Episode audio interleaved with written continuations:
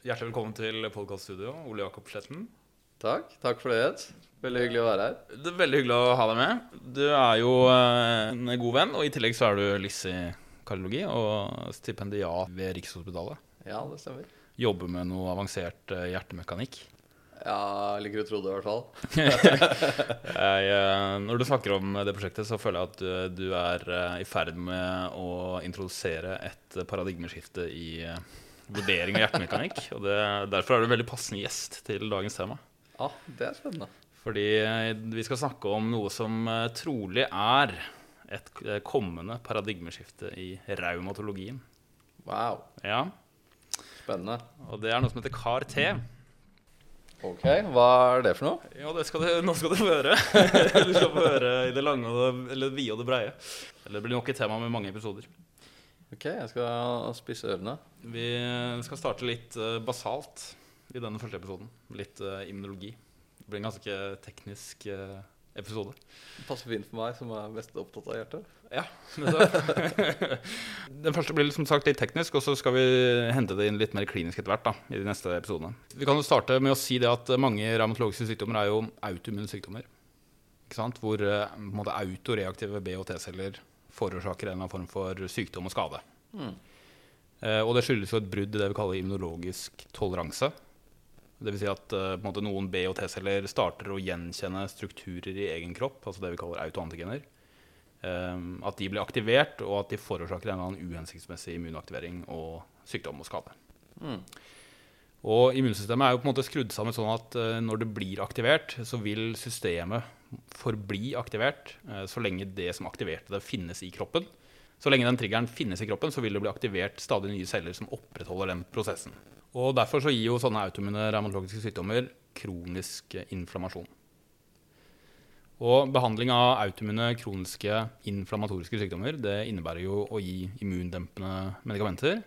Og hensikten er jo da å svekke aktiviteten til de autoreaktive lymfocyttene, sånn at de ikke lenger forårsaker det problemet. Mm. Og gjennom de siste 20 eller 25 årene så har det jo kommet en lang rekke med nye og avanserte immunsupprimerende medikamenter. Og de medikamentene er jo ofte veldig effektive. Mange pasienter kommer jo i remisjon. Eh, Men det er jo flere utfordringer med den approachen. Da. Eh, Og for det første så er det jo det at vi klarer ikke å kun hemme de immuncellene som faktisk forårsaker sykdommen. Så vi, vi demper jo på en måte aktiviteten til immunsystemet som helhet. Og det kan gå på bekostning av immunsystemets eh, hovedoppgaver, som da er å bekjempe infeksjon, bekjempe kreft og fjerne skadede celler. Mm. Eh, For det andre så er det jo det at behandlingen vil jo bare maskere problemet. Så hvis medikamentene tas bort, så vil jo sykdommen gjerne blusse opp igjen. eh, Fordi både autoantigene og de autoreaktive lymfocyttene fortsatt er i kroppen. Mm. Så revmatologimiljøet har jo lenge vært på jakt etter litt andre behandlingsprinsipper, egentlig. Og det som er det aller mest fristende, er jo på en eller annen måte å klare å gjenopprette den immunologiske toleransen. Eh, altså på en måte eliminere de autoreaktive lymfocyttene. Ja, så er poenget å, å fjerne den drivende Altså det stoffet eller den substansen som driver immunforsvaret, eller er målet å fjerne cellene som reagerer på det? Eh, ja, en, en, Det ene eller det andre, da. Eh, men i, disse, i mange av disse tilfellene så gjenkjenner de et eller annet eh, helt fundamentalt inni alle cellene. Eksempel ved disse bindevevsykdommene så er det jo ting inni cellekjernen. Mm. Så du klarer egentlig ikke å fjerne det de reagerer mot. Så da må du heller prøve å fjerne de som reagerer. Mm. Um, når det er sagt, så finnes det jo eksempler på sykdommer hvor du faktisk kan fjerne det som reageres mot. da. Altså autoimmun tyroiditt, f.eks., hvor du kan fjerne tyroidea. Eller allergi, kanskje? Ja, det er eh, ikke autoimmunt, da, egentlig. eh, Mm. I og med at det er, reagerer mot noe, eh, en ytre faktor. Mm. Men ja, altså, så sånne eksempler finnes hvor du på en måte kan ta problemet ved roten i den andre, på den andre siden av problemet, men i disse revmatologiske sykdommene så, så er det mer realistisk å prøve å eliminere de cellene som, som reagerer feil, da. Og eh, fordi hvis du klarer å fjerne alle de cellene, så vil jo sykdommen opphøre. Eh, og potensielt, og i en måte, best scenario, eh, kureres. En måte å gjøre dette på er gjennom autolog hematopoetisk stamcelletransplantasjon. som også kalles høydose kjemoterapi med autolog stamcellestøtte, forkortet HMAS. Eh, Autolog betyr jo at det er pasientens egne celler. Og hematopoetiske stamceller er jo de stamcellene som gir opphav til alle blodceller, inkludert alle immunceller. Og HMAS eh, brukes jo ved ulike kreftformer. Men eh, på 90-tallet så ble det for første gang også forsøkt ved systemisk sklerose. Og da med mål om å på en måte restarte immunsystemet. Og per i dag så er dette en etablert behandling for eh, nøye utvalgte pasienter med systemisk sklerose. HMAS det innebærer jo flere steg. Første steg er at man, hen man høster hematopoetiske stamceller fra pasienten. Og fryser de ned, lagrer dem eh, inntil videre. Og så gis pasienten ekstremt kraftig cellegiftbehandling. Denne cellegiften den dreper jo både kreftceller og immunceller. Og deretter så gir man disse stamcellene som man har høstet fra pasienten, tilbake til pasienten. Og de vil da på en måte bygge opp immunsystemet på nytt. Så det er på en måte premisset, eller konseptet HMAS for, i kreftbehandling, er jo det at du har muligheten til å gi mer intensiv cellegiftbehandling, og derfor også oppnå eh, mer effektivt drap av kreftceller. Når HMAS gis for autoimmun revmatologisk sykdom, så gjøres det på samme vis. Altså med svært kraftig cellegiftbehandling. Men da er jo ikke målet å drepe kreftcellene. Nå er målet kun å drepe alle immuncellene. Inkludert da alle autoreaktive lymfocytter. Både i blodet, i beinmargen og i ulike vev. Deretter så gis jo stamcellene tilbake til pasienten. Og de vil finne veien til beinmargen og bygge opp et nytt immunsystem. Målet er jo da at disse stamcellene skal bygge opp et immunsystem som ikke eh, resulterer i aktivering av autoreaktive lymfocytter og autoimmun sykdom. Så da har du på en måte restartet immunsystemet på et vis. Men disse stamcellene de er jo pasientens egne, så de vil ha de samme genene som de cellene som opprinnelig ledet til utvikling av autoimmun sykdom hos den pasienten. Men gener er ikke alt i autoimmunitet. For vi vet jo at autoimmune revmatologiske sykdommer sånn som systemisk klose, er multifaktorelle. Det er et genetisk bidrag, men det er også en lang rekke miljøfaktorer og tilfeldigheter som fører til at det blir det toleransebruddet og utvikling av autoimmun sykdom. Så selv om det nye immunsystemet og de nye immuncellene vil ha de samme genene, så er det ikke gitt at de på nytt vil gi opphav til en autoimmun revmatologisk sykdom, fordi disse øvrige faktorene vil ikke være like. Så du kan på mange måter gi pasienten et nytt terningkast da, og se om han faller mer riktig til. Nettopp. ja. Og HMAS har vist seg å være effektiv ved systemisk rose, og Sykdommen bremser opp. Eh, Men det, men det er jo viktig å understreke da at ved tidspunktet for HMAS så har jo pasienten allerede utviklet eh, irreversibel skade, som f.eks. Eh, fibrotisk interstitiell lungesykdom. Og sånn permanent organskade vil jo ikke reverseres av HMAS. Så du, du, du stopper bare prosessen opp. Du, du fjerner ikke alt det som har skjedd av permanent skade til da. Eh, Ved HMAS er det jo altså da pasientens egne hematopoetiske stamceller som føres tilbake. og Det er derfor det heter autolog stamcellestøtte. Og dette er i motsetning til allogen benmargstransplantasjon, som innebærer at man får hematopoetiske stamceller fra en annen person. Mm. Dette, altså sånn allogen stamcelletransplantasjon, det kreves ved sykdommer hvor de hematopoetiske stamcellene har medfødte mutasjoner som forårsaker en eller annen sykdom. Mm. Altså F.eks. medfødte immunsviktsykdommer som skyldes mutasjon i ett enkelt gen i immunceller. Mm. Fordi Hvis sånne pasienter skal kureres med beinmargstransplantasjon, så kan ikke det gjøres med autologe stamceller. Fordi de cellene vil jo ha den samme mutasjonen. Mm. Så da kreves allogene stamceller, altså stamceller fra en person som ikke har den genetiske sykdommen. Mm. Utfordringen med allogen stamcelletransplantasjon det er at de donerte hematopoetiske stamcellene kan gi opphav til lymfocytter som gjenkjenner noe i vertens kropp som fremmed. Mm. Og disse cellene er jo ikke autoreaktive, eh, fordi de gjenkjenner ikke noe i sin egen kropp. De gjenkjenner noe i deres nye kropp. Eh, Så de er alloreaktive. Og når de går til angrep på verten, så kaller vi det derfor ikke for en autoimmun sykdom. Vi kaller det i stedet for graft versus host-sykdom, som da er en slags alloimmun sykdom. Mm. Eh, Men nok om det. altså ved, HMAS ved autoimmun revmatologisk sykdom, du høster hematopoetiske stamceller, du gir kraftig cellegift i håp om å drepe alle autoreaktive lymfocytter, og så infunderes disse hematopoetiske stamcellene tilbake i pasienten og bygger opp et nytt immunsystem, som da forhåpentligvis ikke gir på nytt opphav til aktiverte, sykdomsdrivende, autoreaktive lymfocytter. Mm. En restart, på en måte. En ny, en ny sjanse. Um, og eh, selv om du ved at dette er autologt unngår den risikoen for graft versus host, så er jo HOMAS absolutt ikke uten risiko. Fordi du vil jo ha en sånn aplasifase fra du gir den ekstremt intensive cellegiften Mm. til, de nye, til de stamcellene har bygget opp et nytt immunsystem, så vil du ha e- ekstremt svekket immunsystem. Mm. Og da er man jo selvsagt veldig utsatt for uh, infeksjoner. I tillegg så, uh, så, så vil jo cellegiftbehandlingen eliminere hukommelsescellene i immunsystemet. Mm. Uh, Som gjør at du på en måte nullstiller også den immunologiske hukommelsen du har opparbeidet deg gjennom livet. Og, og derfor på en måte ikke den samme beskyttelsen mot eh, patogener du har møtt tidligere i livet, selv etter at immunsystemet er bygget opp på nytt. Så du må få alle vaksinene dine på nytt, da. Ja. Så etter HOMAS så, så, gjen, så, så gjentar de barnevaksinasjonsprogrammet, og, så, og i tillegg alle disse andre vaksinene som er relevante.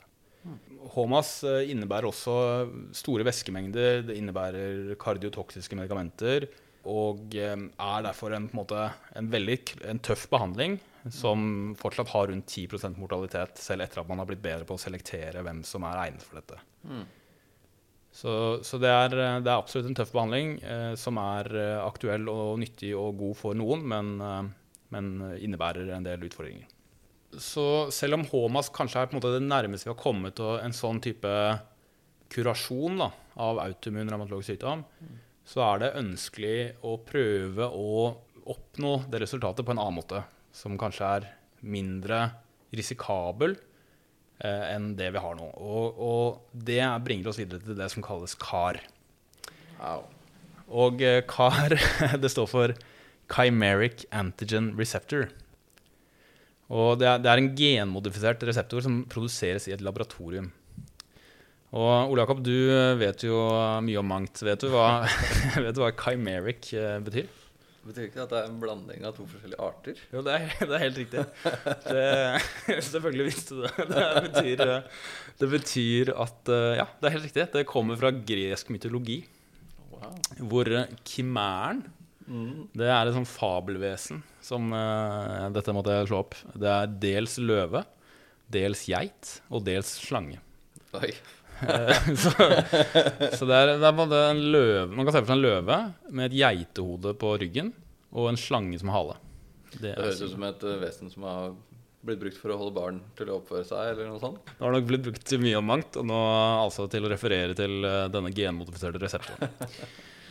Men så du har helt rett. altså Kimær det betyr en kombinasjon av ting som vanligvis ikke finnes sammen. Mm. Eh, og i de, i de fleste tilfeller så er CAR en reseptor som er dels T-cellereseptor og dels B-cellereseptor. Mm. Hvorfor det er av betydning, det skal vi komme tilbake til litt senere. Dette med T- og B-cellereseptor. Men det er altså en kimær antigenreseptor, CAR. Mm. Og RNA som kode for CAR, det fremstilles i laboratoriet Mhm. eh, på måter som jeg ikke forstår. Eh, men så bruker de CRISPR-teknikken, altså genmodifiseringsteknikken, som gjør at denne RNA-sekvensen som kode for CAR kan introduseres inn i et lentivirus. Oi. Ja. Ja. Og lentivirus, det er en type retrovirus eh, som uttrykker enzymet revers transkriptase. og transkripsjon, det er jo at DNA omgjøres til mRNA. ja. Og reverstranskriptase gjør det motsatte. Så det omgjør RNA til DNA. Så nå kan du skrive om selve hovedkoden. Ja. Og så når et lentivirus med eh, RNA, eller viralt RNA, infiserer en menneskecelle, så vil reverstranskriptase gjøre om det virale RNA-et til DNA, som i sin tur kan inkorporeres inn i den virusinfiserte cellens DNA. Og da vil den infiserte cellen produsere proteiner fra det virale genmaterialet. Ja. Så når lentivirus brukes som virusvektor i CAR-produksjon, eh, så, er det så er det virale RNA-et endret slik at det inkorporerer kun den sekvensen som koder for den reseptoren, altså CAR, Mm. i den cellen som den infiserer i laboratoriet. Mm. Så eh, den uttrykker ikke andre virale proteiner den, den uh, lentivirusinfiserte cellen i laboratoriet. Nei. Men Så resultatet er på en måte at den cellen som er blitt infisert av lentiviruset i laboratoriet, uttrykker eh, denne reseptoren på overflaten sin. Mm. Altså den kimære antigenreseptoren CAR. Lentiviruset med det modifiserte RNA-et kan da introduseres spesifikt inn i den celletypen som man ønsker at skal uttrykke CAR. Sånn som CAR brukes i dag, så vil de aktuelle cellene være enten cytotoksiske T-celler eller NK-celler. Mhm. Og disse celletypene har i grunn veldig lik funksjon, og de kan drepe celler. Mm. Eh, Hvis det er en cytotoksisk T-celle som eh, benyttes, altså at det er de som blir infisert og ender opp med å uttrykke CAR, så kalles det CAR-T. Hvis det er Mm. NK-celler som benyttes, så kalles det CAR-NK. Okay. Hvordan velger du disse cellene? Altså, Eh, Hvordan velger lentivirus bare cytotoksiske T-celler og NK-celler? nei, da, eh, da har du på en måte Du har isolert eh, celler fra pasientens blod, og så på en måte funnet eh, cytotoksiske T-celler, da, for eksempel. Så lentivirus er veldig smart. Den både implanterer koden sin i enhvert celle, som får den til å produsere proteiner for den, og den får i tillegg deg til å gjøre jobben og legge cellene fremfor den.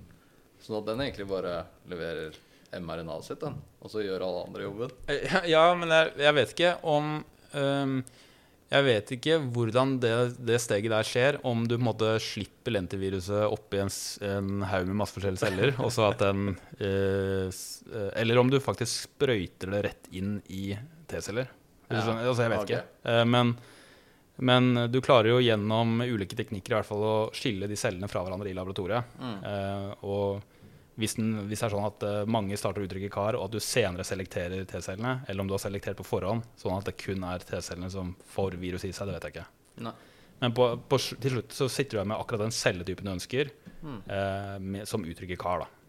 Ok, Så istedenfor at alle cellene i kroppen din får lentvirus og uttrykker kar, så har du valgt ut en liten tropp som du skal sende inn i Yes. pasientene? Ja, Så dette her skjer i laboratoriet. Mm. Altså Du høster ut celler, eh, og så er det i laboratoriet at de blir infisert av lentivirus Mm. og uttrykker CAR, og så går de tilbake i kroppen. Eller det vil si, de ikke går tilbake i kroppen, de blir s- inf- Da må du hjelpe til igjen, ikke sant? Ja, ja. Så uh, poenget er da at du ender opp med uh, Altså ved CAR-T, T-celler som er blitt modifisert til å uttrykke denne modifiserte reseptoren, altså en kimær antigenreseptor, uh, CAR. Og eh, som sagt så vil det i dette eksempelet her dreie seg om en, eh, en Altså at CAR vil være en reseptor som er dels T-cellereseptor og dels B-cellereseptor. Og for å forstå signifikansen av det, så må man vite litt om B- og T-celler. B- og T-celler de utgjør jo det adaptive eller er ervervede immunsystemet. Mm. Og B- og T-celler de uttrykker lymfocytreseptorer, som da kalles henholdsvis B-cellereseptorer og T-cellereseptorer. Mm. Og lymfocytreseptorer de gjenkjenner antigen. Og et antigen det er, det, bare, det er egentlig bare definert som noe som kan gjenkjennes av en lymfocytreseptor. Mm. Så det kan da i teorien være egentlig hva som helst. Mm. Men når vi bruker ordet antigen, så mener vi vanligvis en del av en mikrobe. Eh, Men siden antigen kan være hva som helst, så betyr det at kroppens egne celler også uttrykker strukturer som potensielt kan gjenkjennes av lymfocytreseptor, og det er det vi mener med autoantigener. Mm. Og normalt så vil jo lymfocytter gjenkjenne og angripe antigen fra, fra mikrober, men ikke autoantigen fra egne celler. Og det er det som vi da kaller immunologisk toleranse, som vi har vært inne på. Mm. Det er det som skjer i thymus, ikke sant? Eh, Ja, for T-cellene så er eh, sentrale toleransemekanismer De skjer i thymus. Det er godt det er noe som sitter. Ja, det er veldig bra. jeg tviler ikke på at dette sitter bra hos deg, Jakob. Men eh, nå sier jeg det for andre lyttere som eh, eventuelt ikke har like god erindring av tymets funksjon. Men én en enkelt lymfocytt, altså én en enkelt B-celle eller en enkelt T-celle, gjenkjenner kun ett antigen. Mm. Og det kan vi egentlig forenkle til å si at de gjenkjenner én mikrobe, eller ett patogen. Mm. Og siden hver celle, altså hver B- og hver T-celle, er så utrolig spesifikk, så må du ha utrolig mange forskjellige B-celler og utrolig mange forskjellige T-celler for at de til sammen som gruppe skal kunne gjenkjenne alle tenkelige patogener. Mm. Så hvis vi hypotetisk sier at uh, du må kunne beskytte deg mot én million forskjellige patogener, Mm. da må du ha én million forskjellige B-celler og én million forskjellige T-celler. Mm. Og det betyr at du må ha evnen til å produsere da én million forskjellige B-cellereseptorer og én million forskjellige T-cellereseptorer. Mm. Vet du hva som kommer da?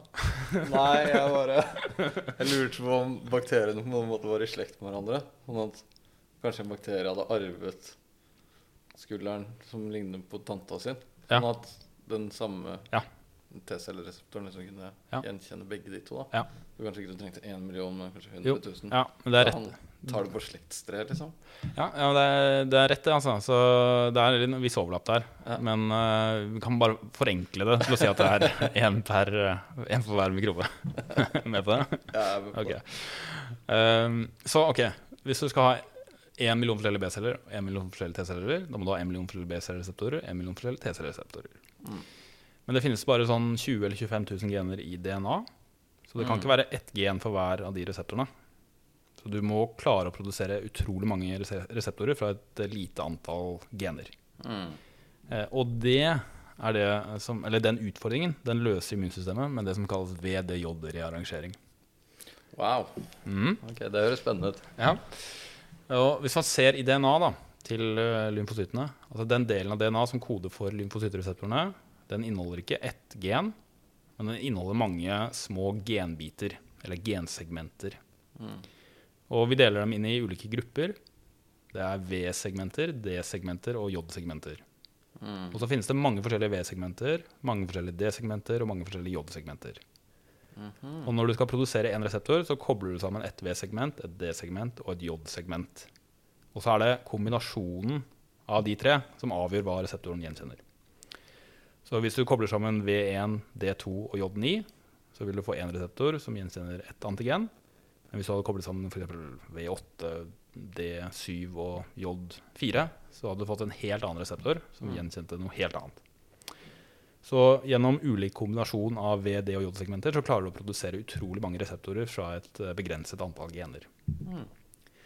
Og det som er viktig å forstå, eh, er jo for det første det at eh, dette her skjer under modningsprosessen til lymfocyttene. Så idet én celle har produsert én reseptor, så stopper dette her opp, og så, og så uttrykker det den reseptoren. Mm. Så en celle har bare én av de. ikke sant? Det andre som er viktig, er det at kombinasjonen av VD- og J-segmenter er helt vilkårlig. Mm. Så de lymfocyttene har ikke en sånn kokebok over hva som er relevant å produsere reseptor mot. Mm. De ikke, det er ikke en liste over ting som skal gjenkjennes. Og dette er i utgangspunktet veldig bra, fordi det gjør at lymfocyttene ikke er begrenset til å gjenkjenne ting som man har predefinert som viktig. Mm. Fordi dersom det hadde kommet et nytt patogen eh, som menneskeheten aldri har møtt før, Mm. så ville jo ikke det patogenet finnes på den listen. Mm. Altså f.eks. SARS-CoV-2. Mm. Og hvis den ikke hadde vært på en sånn liste, så ville man jo heller ikke klart å produsere noen reseptorer mot det, eller heller ikke bekjempe det. Så gjennom Altså med vilkårlig VD og J-kombinasjon så betyr det at man by chance kan produsere lymfocytter som kan gjenkjenne hva som helst, inkludert alle tenkelige fremtidige patogener som menneskeheten eventuelt må møte på senere.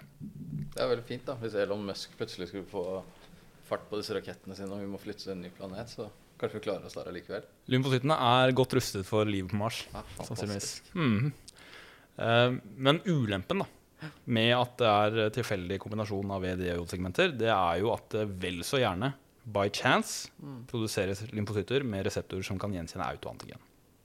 Mm. Altså såkalte autoreaktive lymfocytter. Og det skjer hele tiden hos alle. Så alle mennesker produserer autoreaktive lymfocytter hele tiden. Mm. Og hvis de blir aktivert, eh, så kan jo autoimmun sykdom oppstå. Mm. For å unngå det, da fordi altså, autoimmun sykdom kan jo være grusomt. Eh, Så, så for å unngå det, så har immunsystemet ulike mekanismer som forhindrer aktivering av de autoreaktive lymfocyttene. Og det kalles disse immunologiske toleransemekanismene. Hvor da thymus spiller en stor rolle for T-cellene, Mm. blant annet. Det er også en del andre mekanismer som vi ikke skal gå inn på. Altså, men, men det finnes da mekanismer, og det er man nødt til å ha fordi alle produserer autoreaktive lymfocytter gjennom denne tilfeldige VDJ-rearrangeringen. Mm. Eh, og hvis de mekanismene svikter, så kan det som sagt da resultere i autoimmunitet og autoimmun sykdom. Og derfor så er, eh, er aktivering av B- og T-celler ganske nøye regulert. T-cellene, hvis vi starter med dem, så er det sånn at T-cellene de kan kun gjenkjenne antigen dersom antigenet blir presentert på molekyler kalt MHC, Mm. også kalt HLA. Og det betyr at hvis et antigen ikke vises frem på MHC, så vil heller ikke det kunne gjenkjennes av T-cellene. Mm. Det her er et viktig poeng som vi kommer til å komme tilbake til. Eh, For B-cellene så er det litt annerledes, fordi B-cellene de trenger ikke å få antigenet presentert. Mm. Så de kan bare bruke sin B-cellereseptor til å binde direkte til antigenet. Uten å få det presentert også. Mm. Igjen, dette er veldig viktig. Denne forskjellen er kjempeviktig når vi skal snakke om CAR litt senere. Eh, Men disse lymfocyttreseptorene, altså både B- og T-cellereseptorene, de har ulike komponenter eller deler eller domener, om du vil. Eh, Man kan jo se for seg at dette er en reseptor som en måte, strekker seg gjennom cellemembranen. Mm. Så den er både på utsiden og innsiden av cellen. Eh, Og dette ekstracellulære domenet utenfor cellen, det er det som binder til antigen. Mm. Mens det intracellulære domenet, altså innenfor cellen, det bringer signalet om reseptorbinding inn til cellekjernen. Mm. Så når lymfocyttreseptoren binder til antigen, så vil det intracellulære domenet utløse signalveier som påvirker cellens funksjon og genuttrykk på en eller annen måte. Mm. Og når det skjer, det en, en av konsekvensene er at lymfocyttene gjennomgår klonal ekspansjon. Mm. Dvs. Si at den starter å produsere mange identiske kopier av seg selv. Mm. Og noen av disse cellene blir effektorceller. Mm. Dvs. Si celler som aktivt bidrar i bekjempelsen av det aktuelle problemet. Mm. F.eks. en infeksjon. Noen av cellene blir til hukommelsesceller. Mm. Det vil, altså henholdsvis B-hukommelsesceller og T-hukommelsesceller. Og disse hukommelsescellene de bidrar ikke aktivt i bekjempelsen av det aktuelle problemet, men de lærer seg ting om den trusselen Mm. og sørger for at kroppen bekjemper den trusselen mer effektivt dersom man utsettes for den samme trusselen senere i livet. Mm. Grunnen til det, det er at disse hukommelsescellene kan aktiveres veldig raskt, og de gir raskt opphav til veldig potente effektorceller. Ja. Det neste vi må touche innom når det gjelder basal immunologi, det er funksjonen til B- og T-celler. Mm. For de har litt forskjellig funksjon. Eh, effektorcellene til B-celler de kalles plasmaceller. Mm. Ja? Og plasmaceller produserer antistoffer. Mm. Plasmablaster Nå begynner du å miste meg. Plasmablaster, det er, det er et mellomstadium mell okay. mellom B-celler og plasmaceller. Okay. Og de produserer også antistoffer. Ok? Ja. Så når B-cellen blir aktivert, så gjennomgår den klonal ekspansjon. Mm. Og mange blir effektorceller. Dvs. Si at de blir plasmablaster, mm. og deretter plasmaceller. ja. Så det er et mellomsteg der, da, som er litt lett, egentlig. Yes, stemmer. Plasmaceller de deles inn i kortlivede plasmaceller og langlivede plasmaceller. Ja. Kortlivede plasmaceller de produserer veldig store mengder antistoffer, Mm. og så dør de av utmattelse etter ca. en uke. Ja. Langlivede plasmaceller de lever lenge. Mm. Derav navnet. Ja, Høres fornuftig ut. De fortsetter å produsere lave nivåer av antistoffer i lang tid etter at problemet er bekjempet og ferdig. Mm. Og det er de cellene der som er kilden til de lave nivåene av IGG-antistoffer som man kan da påvise i blodet eh, mot mikrober i mange år etter at den infeksjonen er bekjempet. Mm. Det er de langlivede plasmacellene. Så altså, for å oppsummere, B-cellene blir til plasmablaster og plasmaceller. Plasmablaster og kortlivede plasmaceller de lever en kort periode. Langlivede plasmaceller lever lenge. Dette er også viktig når vi skal snakke om KRT senere. All right. Hvis vi går videre til T-cellene, da. Ja. Vi sa at effektorcellene til B-cellene kalles plasmaceller, Ja. og at plasmablaster var et mellomstadium mellom B-celler og plasmaceller. Ja. Effektorcellene til T-celler de kalles T-effektorceller. ja. Og det finnes ulike typer T-celler. Det er T-hjelpeceller, cytotoksiske T-celler og regulatoriske T-celler. Mm. Som da gir opphav til sine respektive effektorceller. Ikke sant? Altså T Du kan si effektor T-hjelpeceller, effektor cytotoksiske T-celler, effektor regulatoriske T-celler. ja. Men lager de liksom hukommelsesceller av seg selv også, da? Yes, Så det er på en måte De starter livet sitt som tre ulike celler, da, på en måte. Mm. Når de slippes ut av thymus, så er de allerede enten cytotoksisk T-celle, T-hjelpecelle eller regulatorisk T-celle. Eh, og når de blir aktivert, så eh, gjennomgår de klonal ekspansjon, og så blir noen av dem til da f.eks. effektor cytotoksisk T-celle, mens andre blir hukommelses-cytotoksisk T-celle. Ja, da er jeg med. Ja. Ja. så systemet er veldig konsist, da, egentlig. Ja, det er faktisk det. Eh, Riktignok så er det noen regulatoriske T-celler som kan komme fra T-hjelpceller, men det trenger vi ikke å gå inn på. Nei, vær så snill. Men ok, Men det er vel, altså sånn jeg tenker på det, så T-hjelpcellen er liksom the mastermind in the crew der, er det ikke det? det er jo det man har blitt fortalt. Ja. Mm, så den, ja, men det stemmer nok, det. Den, er jo, den lever opp til sitt rykte. Ja. Dirigenten eller eh, eh, taktikeren eller ballfordeleren. Ja. Ulike analogier. Så den gjør jo det, altså T-hjelpcellen gjør jo det ved å, å produsere cytokiner som stimulerer ulike andre immunceller. Mm. Effektorfunksjonen til cytotoksiske T-celler det er å drepe unormale celler. Mm. eh, enten virusinfiserte celler eller kreftceller f.eks. Mm. Uh, ved å tvinge de cellene til å gjennomgå apoptose. Mm. Mens regulatoriske T-celler, effektorfunksjonen deres, er å dempe immunsystemet. Mm. eh, og bidrar bl.a. til å opprettholde toleranse. Mm. Så som sagt, altså hvis, eh, hvis en T-celle blir aktivert, så gjennomgår den klonal ekspansjon og gir opphav til effektorceller eh, og hukommelsesceller av den typen som har blitt aktivert. Mm. Ja. Disse cytotoksiske T-cellene de har altså evnen til å drepe celler som uttrykker det antigenet som de gjenkjenner. Mm. Og det fenomenet der utnyttes ved CAR-T-behandling. Mm. Så ved CAR-T så vil de modifiserte cytotoksiske T-cellene, som uttrykker den kimære antigenreseptoren, drepe celler som uttrykker antigenet som den reseptoren gjenkjenner. Ja, så CAR-T produserer faktisk leiemordere som du sender inn på oppdrag. Det er akkurat det du gjør. Mm. Og hvilket antigen reseptoren gjenkjenner, altså den kimære antigenreseptoren, det avhenger jo av hva man ønsker å drepe. Mm. Og i revmatologien så har CAR-T-behandling vært rettet mot B-celler. Og det skal jeg forklare litt. Fordi autoimmune revmatologiske sykdommer de kjennetegnes jo av sykdomsassosierte autoantistoff. Mm. Altså et antistoff som er rettet mot autoantigen. Produsert da av aktiverte autoreaktive effektor B-celler, altså Mm. plasmaceller. Mm. Og sånne autos- antistoff det indikerer jo da at B-cellene er involvert i sykdomsprosessen. Mm. Det beviser det riktignok ikke, som vi skal komme litt tilbake til, men det, det indikerer det.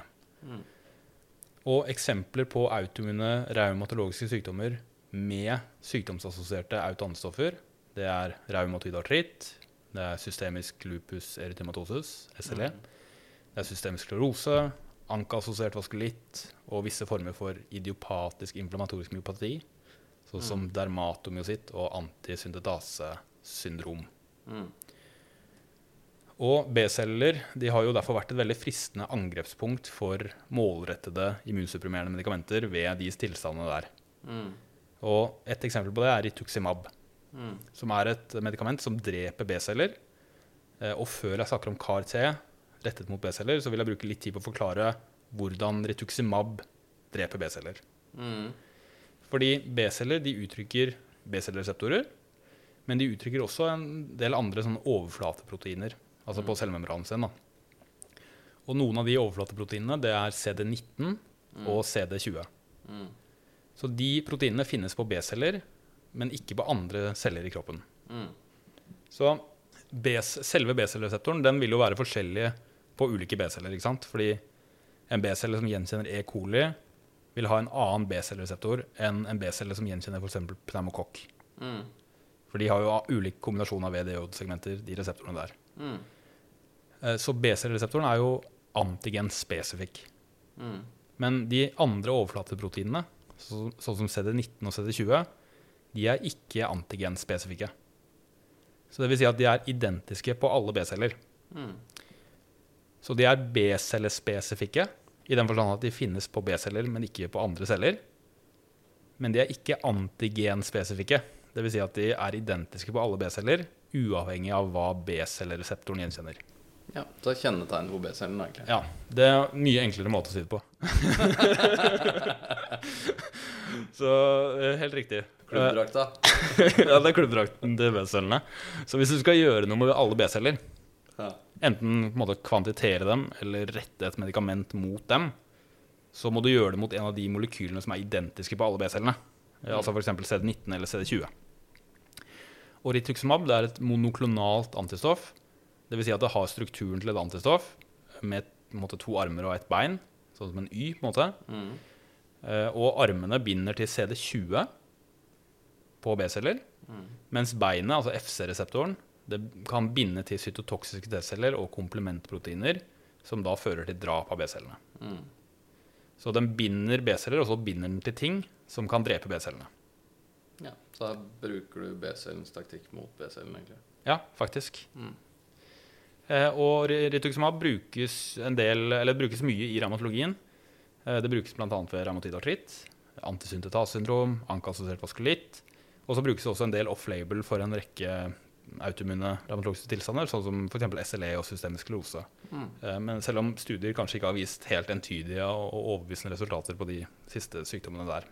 Mm. Og det kan være flere grunner til at rituximab ikke alltid er effektivt ved autoimmune revmatologiske sykdommer. Eh, For det første så er det jo sånn at tilstedeværelse av et sykdomsassosiert autoantistoff er ikke nødvendigvis ensbetydende med at sykdommen er drevet av B-celler. Mm.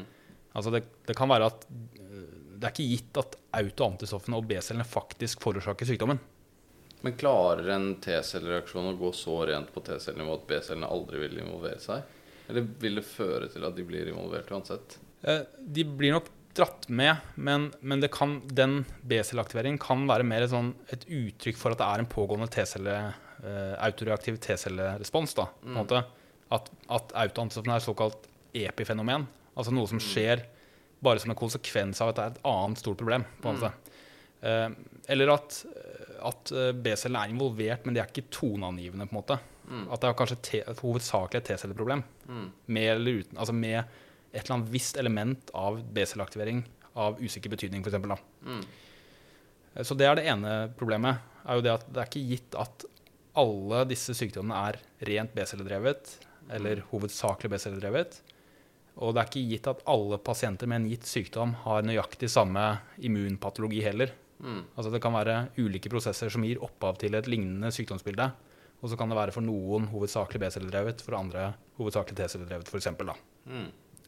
Som kanskje forklare, kan forklare hvorfor det er litt sånn, eh, i hvert fall ved noen sykdommer, litt varierende resultater av effekt ved da.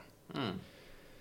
Eh, For det andre så er det jo sånn at det er ikke absolutt alle B-celler som uttrykker CD20. Selv om jeg sa det, så er det ikke helt sant. Mm. Fordi uttrykkelsen av disse overflateproteinene de endrer seg litt underveis i B-cellenes livsløp. Mm. Så CD20 det finnes på B-celler, altså de som ennå ikke har blitt aktivert. Mm. Og det finnes på hukommelsescellene, Mm. men det finnes ikke på effektocellene. Aha. Det finnes ikke på plasmablaster og ikke på plasmaceller. Mm. De slutter å uttrykke det.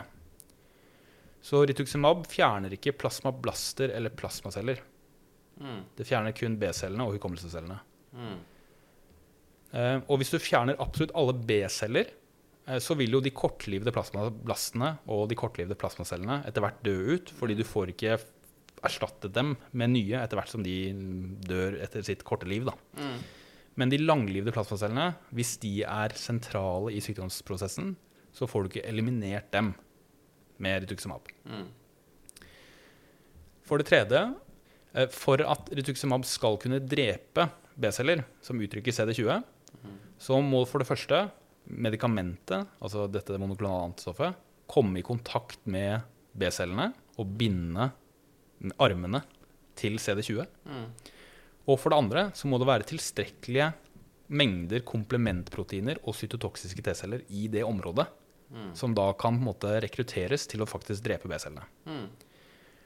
Og i sirkulasjonen så vil det være enkelt å binde til B-cellene, og det vil være komplementproteiner i blodet, og det vil være T-celler, men det er ikke nødvendigvis tilfellet ute i alle vev. Mm.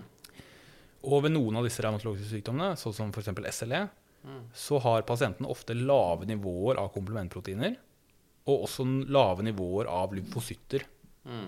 eh, som en del av sitt sykdomsbilde. Mm. Som da også kan begrense tilgangen til faktisk de effektormekanismene som rituximab skal rekruttere for å få drept cellene som de skal drepe. Mm. Så dette er på en måte sånne type eh, elementer som har blitt brukt til å forklare hvorfor rituximab noen, gang, noen ganger ikke har den forventede effekten ved disse autoimmune revmatologiske sykdommene. Mm. Men, men man har fortsatt tro på at B-celledeplesjon eller B-celledrap vil være effektivt hos en, en stor gruppe pasienter med revmatologisk sykdom. Eh, Så Derfor så har man forsøkt å utvikle nye metoder for å få en litt dypere B-celledepresjon, altså drepe flere B-celler. Og som sagt så kan det gjøres med stamcelletransplantasjon, altså HMAS, hvor man bare restarter hele immunsystemet. Men det er også ønskelig å kunne tilby andre behandlingsmuligheter da, for å oppnå det. Og CD19, som jeg sa, så var det jo CD19 og CD20 som er eksempler på sånne overflatemarkører på B-celler. Og CD19 uttrykkes på flere B-cellestadier enn CD20. Mm. Fordi CD19 uttrykkes også på plasmablaster, Oi. i motsetning til CD20. Ikke sant? Eh, Fordi CD20 var B-celler og B-hukommelsesceller, mens CD19 er B-celler, B-hukommelsesceller, men også da plasmablaster. Mm. Men igjen, verken CD20 eller CD19 uttrykkes på plasmacellene. Mm. Men det, det har da blitt utviklet monoklonale antistoff mot CD19. Og det gjenstår egentlig å se om disse medikamentene har en betydningsfull økt uh, effekt sammenlignet med anti-CD20-rettet monoklonale antistoff. Mm. Men med CD, eh, en del av disse CD19-rettede monoklonale antistoffene så har de også prøvd å modifisere molekylet sånn at det får bedre vevspenetrasjon. Og at det derfor også kanskje kommer bedre inn i vev Mm. enn det eh, rituximab eh, antas å gjøre. Okay. Men i hvilken grad det utgjør en meningsfull forskjell, det er eh, for meg litt sånn uklart på nåværende tidspunkt. Mm. Eh, Det er også andre overflateproteiner som uttrykkes på plasmaceller. De har jo verken CD19 eller CD20, men de har CD38 Ohoi. og noe som heter BCMA. Det er godt det er noe å treffe der òg, da. Yes, Og det her skal vi komme tilbake til også litt grann senere. Men nå, etter mye prat, så skal vi bevege oss igjen tilbake til KRT. Georg Schett. Sier det navnet noe? Nei, jeg må høre om at det, det gjør det absolutt ikke. Nei. Men han er revmatolog i Erlangen i Tyskland. Og han har jobbet veldig mye med KRT i revmatologien de siste årene. Og han holdt et symposium om det ved den europeiske revmatologikonferansen i år. Og Gunstein Bakkeland, som er eh, revmatolog i Tromsø, han var til stede ved det symposiet, og han eh, var veldig veldig begeistret i etterkant, noe han også delte her i den Aular-episoden i denne podkasten. Og eh, det er jeg helt enig med Gunstein i, at dette her er utrolig spennende. Og nå har Georg Schett publisert en eh, review om eh, erfaringene deres om eh, KRT-bruk i revmatologien. Og de neste episodene vil på en måte i stor grad baseres på den reviewen som jeg også har lenket til i episodenotatene. Og det er en artikkel jeg anbefaler absolutt alle å lese. Det er en utrolig, utrolig artikkel. Men de, den gruppen der de har brukt eh, CD19 CAR-T-celler. Dvs. Si T-celler som har en CAR, altså en kjemær antigenreseptor, som spesifikt gjenkjenner CD19. Mm. Dvs. Si, de er rettet mot overflateproteinene som finnes på B-celler, B-hukommelsesceller og plasmablaster, men ikke plasmaceller. Mm. Og reseptoren er altså kimær. Mm. Det ekstracellulære domenet, det som binder til antigen, det ligner på en av armene til en B-cellereseptor. Mm. Og den er da helt spesifikk for CD19. Mm. Det intracellulære domenet, det er fra en T-cellereseptor. Mm. Det vil si at bindingen skjer som en B-cellereseptor, men signalet som sendes til cellekjernen, er som at det er en T-cellereseptor som er blitt aktivert. Mm. Og resultatet er jo da at den cytotoksiske T-cellen blir aktivert. Og hva gjør en aktivert cytotoksisk T-celle?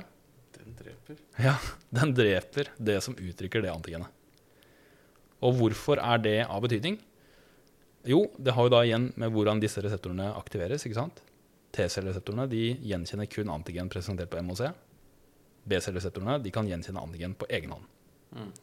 Så hvis du, hadde, hvis du hadde hatt en vanlig T-cellereseptor som hadde gjenkjent CD19, så ville den ikke kunne binde direkte til CD19 på overflaten av B-celler og drepe dem. Mm. Men siden den nå har en kimær antigenreseptor som gjenkjenner ting som en B-cellereseptor, Mm. så trenger den ikke lenger å få antigenet presentert på MHC. Den kan bare binde direkte til CD19 på overflaten av B-cellene. Det fører til T-celleaktivering og altså drap av B-cellene. Interessant. Og den faktisk bærer med seg det rituximab mangler. En faktisk aktivert cytotoksisk eh, T-celle. Nettopp. Det er, det er det, ikke sant? Den, og det er en celle. Den kan bare gå inn i vev, sånn som en celle kan. Ja. Og komme i kontakt med cellene og bare drepe den på egen hånd. Trenger ikke hjelp av komplementproteiner eller andre celler. Altså en vandrende, velfungerende enhet. Ja. Dette kan være en helt fantastisk eh, tilnærming for revmatologiske sykdommer som er drevet av B-celler som, som fjernes med CD19-KRT. Mm. Altså plas- B-celler, plasmoblaster og hukommelsesceller.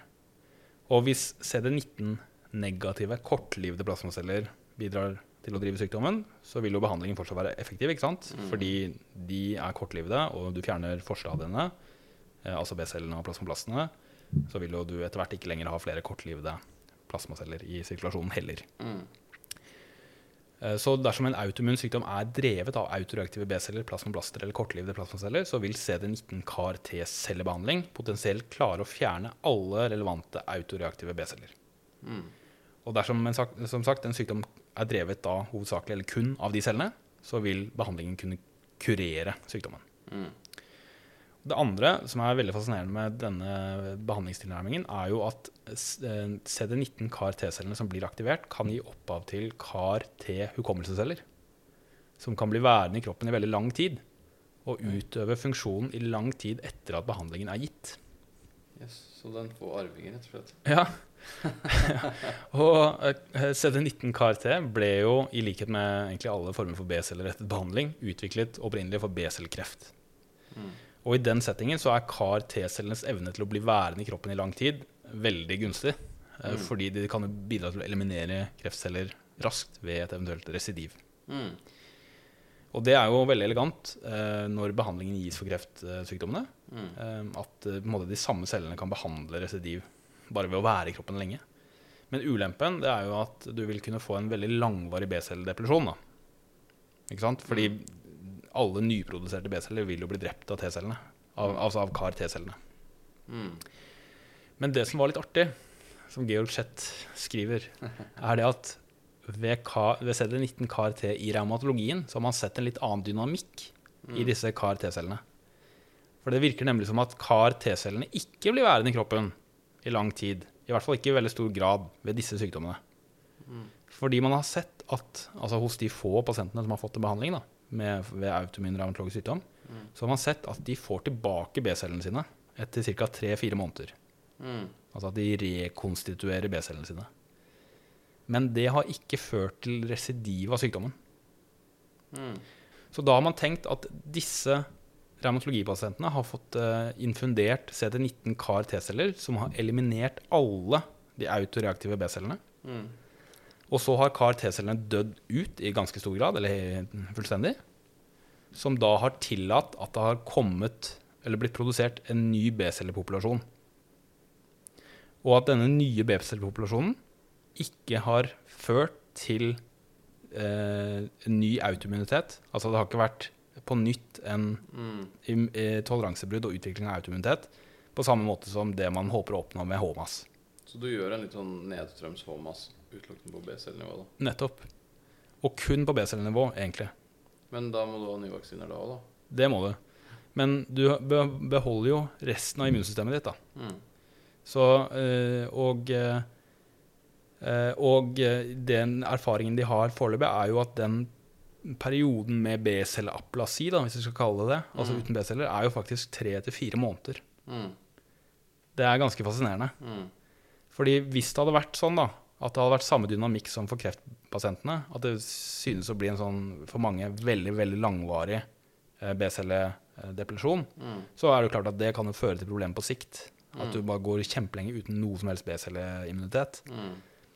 Men hvis du bytter ut tre til fire måneder uten B-celler med kurasjon av en kronisk autoimmun sykdom, Mm. eh, så er jo sjansen god da, for at netto nettoresultatet er i din favør, egentlig. Mm. Men det er klart, det er jo en periode der uten B-celleforsvar. Det er det jo. Men er det noen tanker om at det har skjedd noe med B-cellereseptoren på B-cellen, altså, eller CD19, CD20? At de er endret eller ikke uttrykt, eller på den nye B-cellepopulasjonen? Ja. Eh, Nei, altså, fordi det har jo vært et, de har jo ikke helt forstått hvorfor dette skjer ved disse autoimmune sykdommene. Eh, men, det, men det ser ut til at uh, grunnen til at det rekonstitueres B-celler, altså at det kommer nye, er det at kar T-cellene dør ut da, i større grad enn ved kreftsykdommen. Og så har de tenkt at det kan dreie seg om mengden B-celler. Mm. Altså ved disse som får denne behandlingen for kreftsykdom, har jo gjerne veldig alvorlig B-cellekreft. Mm. Med utrolig mange B-celler. Mm. Som kanskje fører til en sånn massiv CAR T-celleaktivering. Mm. Som, og liksom kanskje Altså dette er spekulasjon fra min side, men kanskje veldig uttalt eh, eh, CAR T-hukommelsescelleproduksjon. Mm. Mm. Mens ved de autoimmune sykdommene så er på en måte B-cellenivået lavere, sannsynligvis. da, Altså de cellene som faktisk skal drepes. Og at du kanskje får en sånn poff-drap, og så mister de litt interessen. på en måte. Ja. Og så er det sånn OK, nå er vi ferdig. One hit wonder. One hit wonder, kanskje, da. Mm. Eh, og det er jo Det er jo i så fall helt fantastisk at det skjer. At du klarer å bare fjerne det, og så er liksom de cellene borte. Men eh, det her gjenstår jo å se, da, for det er, jo, det er jo få pasienter som har fått behandlingen. Det, det gjenstår å se om det samme dynamikken gjenfinnes måte ved alle ved alltid. da. Det er jo det er helt sikkert noen pasienter som vil få langvarig B-celledepresjon. Det vil jeg absolutt tro. På samme måte som at når man gir et uximab over lang tid, så er det noen som rekonstituerer B-cellene raskt etter at man tar vekk behandlingen, mens andre går lenge før det kommer B-celler tilbake. Mm. har man observert. Men nå, eh, nå har vi snakket eh, da egentlig gjennom en del av den basale immunologien som trengs å kunne noe om Mm. for å forstå de neste elementene vi skal snakke om i i, i de tre neste KRT-episodene. Mm. Men eh, da har vi i hvert fall nevnt litt om B- og T-celleimmunologi, om reseptorene og overflateproteiner osv. Eh, og så håper jeg at det ga, var relativt klart. Ja, jeg syns det var fint. Jeg sitter igjen med én liten ting jeg lurer på. Og det er de plasmacellene som er autoreaktive. Ja. Hva skjer med de? De eh, vil jo, det vil jo være langlivede eh, autoreaktive plasmaceller igjen. Så du vil ha en positiv serologi? Ja. Hvis jeg tester deg senere, så ser det ut som du har samme sykdommen. Ja, det er et kjempegodt spørsmål. Men eh, det, det de har sett, er at, eh, som vi skal komme tilbake til, så vil mange av disse som får behandling, eh, vil bli negative for det sykdomsrelevante autoantistoffet sitt. Mm. Eh, Men de vil bevare, eller de har bevart, autoantistoffer mot patogener. Mm. Og de anser da det på den måten at ved auto eh, Altså autoantistoffproduksjonen skjer hovedsakelig av plasmablaster og kortlivede plasmaceller, som hele tiden produseres nye av, Mm. eh, men i liten grad av langlivede plasmaceller. Mm. Mens disse mikrobespesifikke eh, responsene Mm. er hovedsakelig da etter hvert, etter at infeksjonen er bekjempet, at antistoffproduksjonen skjer hovedsakelig fra langlivede plasmaceller. Mm. Sånn at de anser, eller antar at det er en annen dynamikk i antistoffproduksjonen ved auto-antistoff eh, og autoimmun sykdom enn ved mikrobeforsvaret. Mm. Så eh, Derfor så er deres nåværende teori at de langlivede plasmacellene har en liten rolle, egentlig, eller kanskje ingen rolle, Mm. i mange av disse B-celledrevne autoimmune sykdommene. Mm. Men at det skjer i de kortlivede B-cellestadiene. Og at det hele tiden blir generert nye som på en måte sørger for at den prosessen blir kronisk. Da. Mm. Eh, Men, men det er sånn også litt vanskelig å forstå eh, hvorfor det skal være sånn. Altså, jeg skjønner ikke selv hva er, hva er grunnen til det, men, men, men det er i hvert fall eh, sånn, Det er den eneste måten å forklare de resultatene som vi skal snakke om senere, da, som de har observert. Ja, for jeg er veldig spent på å høre hvor lenge de har observert disse, og Ja. om de får noen ny bølge igjen, om plasmacellene klarer å reaktivere dette på en eller annen måte. Ja, og eh, der er du inne på gode, gode ting. Altså, jeg kan røpe allerede nå at den lengste observasjonstiden er to år. Ja. Medikamentfri komplett remisjon etter én runde med KRT. Jeg tror jeg går og popper meg litt popkorn. ja. men, eh, men det er klart, det er et kjempeviktig poeng. Altså, I sykdommer hvor det eventuelt er et sykdomsdrivende bidrag av langlivede eh, CD19-negative plasmaceller, så vil ikke dette være kurativt. Da må du også måtte, i så fall rette behandlingen også mot dem. Mm. Og der kommer CD38 og BCMA inn. Hvor det kanskje da kan være aktuelt også å kjøre inn noen CAR-T-celler mot dem da, Ja, i fremtiden. spennende. Men da gjelder det først å prøve å få et bedre forståelse av hvilken av disse B-cellestadiene som er relevante. Og om det er det samme for alle personer med én sykdom. Det er det trolig ikke. Eller at man på en eller annen måte klarer å finne ut da, for den enkelte pasienten hvilke B-cellestadier er det som er hovedproblemet her, og så knerte dem. Mm. Veldig spennende. Og veldig gøy at B-cellesystemet klarer å svare og komme seg opp igjen. Ja, ja. Det gjør jo at dette her kan være veldig veldig spennende. Ja, det er- Deler entusiasmen. Ja, det er bra. Da er vi klare for tre episoder til. Da snakkes vi straks. Yes.